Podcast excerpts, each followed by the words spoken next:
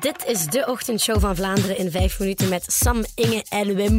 Oh my god, wat was dat deze ochtend? Echt zoveel file met heel veel regen. Heel lang aanschuiven overal.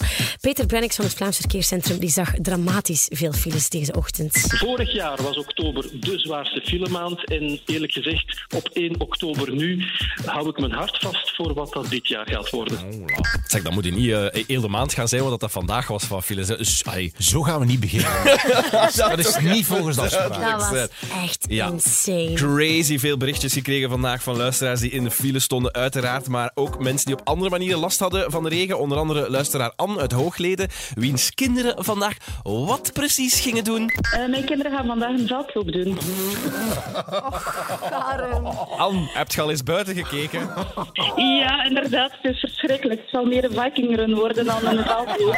Wie bedenkt het eigenlijk om een veldloop te doen in dit weer? Er was ook één heel mooi berichtje, maar ik weet niet meer van wie, van een luisteraar, die stuurde van ik hoor zo graag de regen tikken op mijn auto als ik in de auto zit en dan met de radio op. Ik vind dat zo gezellig. Dat was wel maar de enige luisteraar die dat Ja, stuurde. ik snap het. Dat is ook echt mijn lievelingsgeluid. Ik kan daar zo rustig van worden. Gewoon zo wat Oh, regen maar het was echt zo mooi. Ik dacht, en zo in, in de stormloop van berichtjes van verschrikkelijke files. Iedereen aan het vloeken. Ja, was dat eigenlijk wel een mooi Van Lien. En Lien was het. Lien was het. wel. Dankjewel, Lien, voor je mooie berichtje. Ja, en vanmorgen natuurlijk ja, door onweer en bliksem ook een blikseminslag in Gent-Sint-Pieters. Robbe uit Brakel, die heeft het live zien gebeuren. Ik kwam uit eh, Lierde met de trein en ik eh, stopte met de trein in uh, Gent-Sint-Pieters. En daar stap ik eh, richting spoor 2 en ik kom bovenaan spoor 2 en vlak op dat moment een blikseminslag. Eh, maar niet zomaar een klein blikseminslag, het was spoor 2 en de blikseminslag was op spoor 1. En eh, op de treinkabels was er vuurspatters en ja, dus het was een... een helse ja, ja, treinstation, zou ik maar zeggen. En ik loop naar beneden, omdat ik dacht, ja, ik ga maar naar beneden lopen. En daar was iedereen aan het wegvluchten, omdat ze waarschijnlijk dachten dat het een bom was, een aanslag. En Marie uit Gent die sprak zelfs van een horrorsituatie in het station zelf. Het station binnenkwam, heel, heel groot bord van Gent Sint-Pieter stond gewoon vol met precies Chinese tekens. En dan stond er zo in het Frans daar is zo hors service, om te zeggen dat het dus niet werkte. En heel de gangen onder het station was gewoon helemaal donker. Iedereen zat daar zo met zijn lampje van zijn gsm om toch iets te zien. Wow, zo donker, ja. echt horror, zei ze. Eh, wat, wat we trouwens op de radio niet verteld hebben Ja, misschien moet je dat nu wel eens zeggen. Ja, voor de- enkel voor de podcast. Ja. Ja, dat, dat was eigenlijk mijn Marie. Dus dat was mijn vriendin Marie die eh, onderweg was met de trein naar Brussel. Dat geef ik even mee. Ja, voilà, jullie weten het nu. Exclusief. Eh, de Volksrepubliek China wordt vandaag 70 jaar. Andy Peelman van de buurtpolitie, 36 jaar. Het zoontje van Wim Oosterling, Bo, wordt 3 jaar.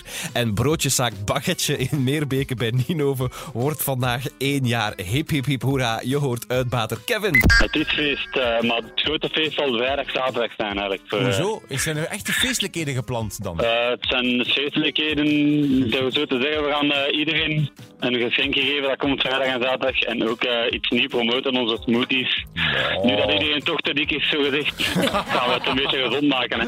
Ja, smoothies aanbieden, maar ondertussen wel zo broodjes met preparé zitten, met smeren en het, dan stond ook, het stond ook in de krant dat het ging over dat er te veel mensen dik zijn eigenlijk. Of er, hoeveel procent? 49 procent Meer dan de helft. Meer ja, dan de Ja, eh, te dik zijn. En, Stop eh, maar naar mij te kijken. Ja, en ik heb geprobeerd naar Sam te kijken om het Nee. onderwerp aan te snijden, Nee. maar het mocht duidelijk Nee, niet. je mag dat niet over. Nee. Het was voor de eerste keer beestig nieuws. Eh, nieuwe rubriek van ons, kwart voor acht op dinsdag. Nieuws over jouw huis hier op de radio. Het ging onder meer over een gruwelijk ongeval in het huis van het gezin van Sarah Antonissen Pluisje. Het konijn heeft daar het leven gelaten tussen de deur van de vaatwasser en de vaatwasser zelf. Nu, Pluisje kwam eerder al in opspraak na de diefstal van boterhammen en glazen fruitsap en chips. Eh, ze ontkent nogthans dat er bij haar man kwaad opzet in het spel was toen hij de vaatwasser dicht deed. Eh, we hebben zo onderaan de plint, is er een stukje uitgesneden in de plint, zeg maar, om de vaatwasserdeur te kunnen openen. En er is een klein ja, gaatje waar hij zijn hoofdje altijd kon tussen steken, maar Pluis was eigenlijk nog aan de andere kant van de keuken. Op het moment dat mijn man dacht, ik ga de vaatwasser open doen om hem in te laaien.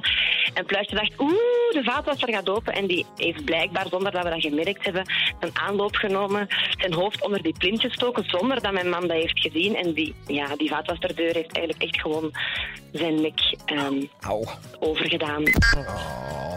Pijnlijke zaak. Toch het parket eh, onderzoekt de zaak nog, want volgens hen is er iets niet eh pluis. Ja, dat was niet de slechtste woordsmop van vandaag, maar het was zeker eentje die kan tellen.